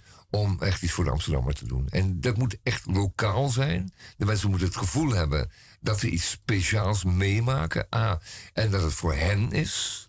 En als die buitenlander of die buitenstaander daarvan meegenieten, dan mag je dat. Maar het moet in principe op de allereerste plaats bedoeld zijn voor de Amsterdammer. En niet voor de toerist. Laat het niet gebeuren, want dan weet ik het al. Dan wordt het een, eh, een feest voor de horeca. En een feest voor de, de, de, de rondvaartondernemer. En, eh, en niet, voor, eh, niet voor de Amsterdammer. Die haalt zijn schouders over op. En die gaat pleiten, wat ik zeg. Die gaat voor drie weken naar Torremolinos. En die heeft het naar reuze naar zijn zin tussen de andere Amsterdammers. die al jaren geleden vertrokken zijn. Dus dat, laat het nog niet gebeuren. Laat het niet gebeuren. Er zijn, ehm, er zijn hopelijk nog mensen die dat, eh, die dat kunnen. Een feestje maken voor de Amsterdammer. Wie weet. En dan, en dan denk ik echt aan, dan denk ik echt aan, aan, eh, aan de terugkeer van de vele openbare wielerwedstrijden bijvoorbeeld. Hè. Dat is altijd een enorme samenhorigheidsmaker. Eh, er, zijn, eh, er zijn initiatieven genoeg om op straat dingen te doen met elkaar. Eh, Amsterdammers onder elkaar. Daar hebben anderen geen, geen, geen niet direct dan als een toeristische attractie toegang toe. Dat moet echt een beetje van ons worden. Dan maar een beetje, dan maar een beetje in onszelf gekeerd. Dan maar een beetje alleen maar voor ons. Heel goed. Voor een keer. Voor een keertje. Voor Tori. Nou, en dan toe. heb ik nog iets eh, wat ook eventjes van het hart moet. En dat is namelijk het fenomeen Chinese politiebureaus. Het schijnt dat in Nederland eh, eh, bureaus zijn opgericht door de Chinese overheid, CQ, de Chinese Communistische Partij, waar Chinese politieagenten werken die toezien op, op, op Chinezen hier in Nederland. En die dus dan politietechnieken gebruiken om deze Chinezen in de gaten te houden. En die doen dat op een, op een bureauverband. Je zou kunnen zeggen dat, dat die Chinezen die werken op zijn bureau direct ehm, onder eh, supervisie staan van de Chinese overheid, CQ, van het Chinese politieapparaat. Dat mag natuurlijk niet. Het mag niet. Het mag niet. Het moet niet. Het mag niet. En dan als laatste ehm, nog iets wat niet veel mensen weten, maar in de hongerwinter, die Amsterdam heeft doorgemaakt als eh, een van de belangrijkste steden waar dat dus het meest evident was, eh, is er al die tijd, al die maanden, dat de Amsterdammer het moeilijkst was, ehm, drinkwater uit elkaar gekomen. Tot op het allerlaatste. Dat staat in meerdere boeken. ehm, de Stad in oorlog enzovoort. Je kan er sollicitaten bij opzoeken.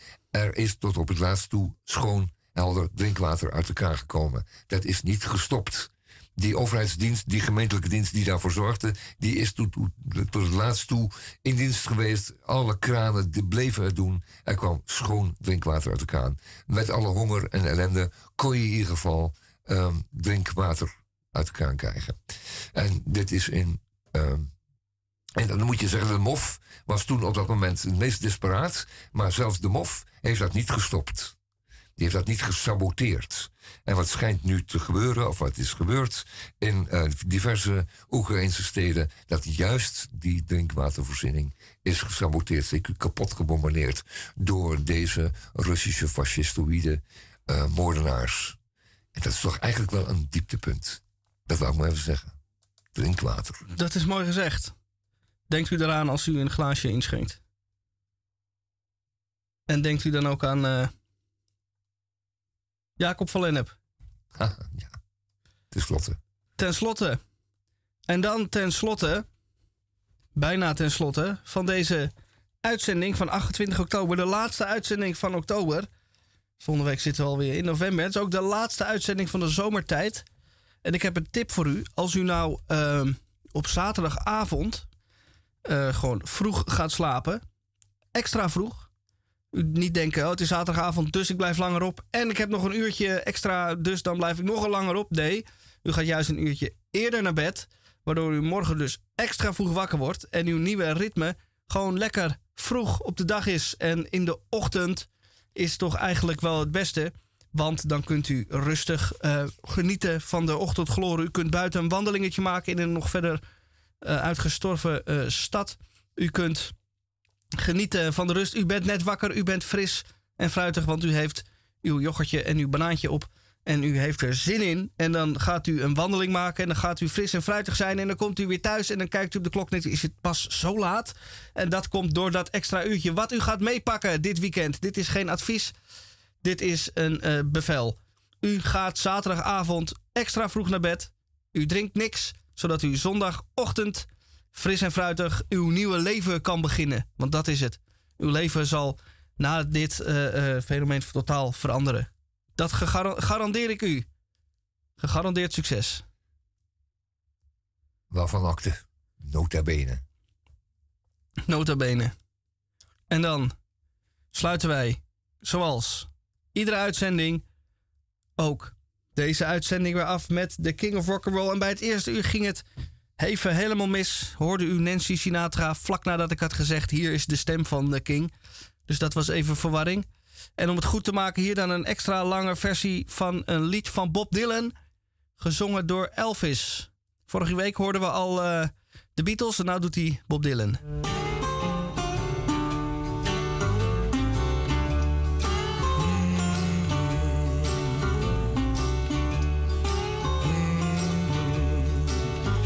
today was not endless highway.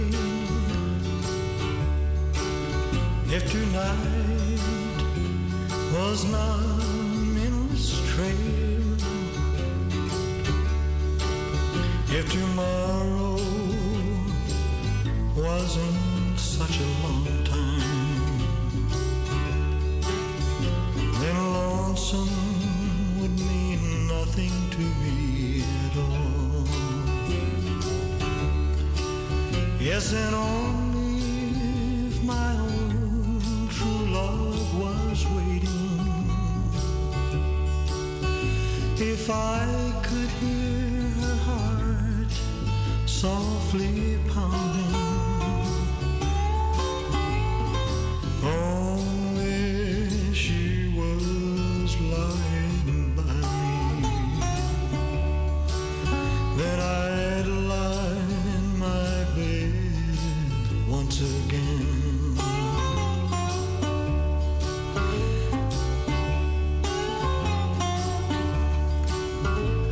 see my reflection in the water. I can't speak the sound that show no pain. I can't hear the echo of my footsteps. I can't remember the sound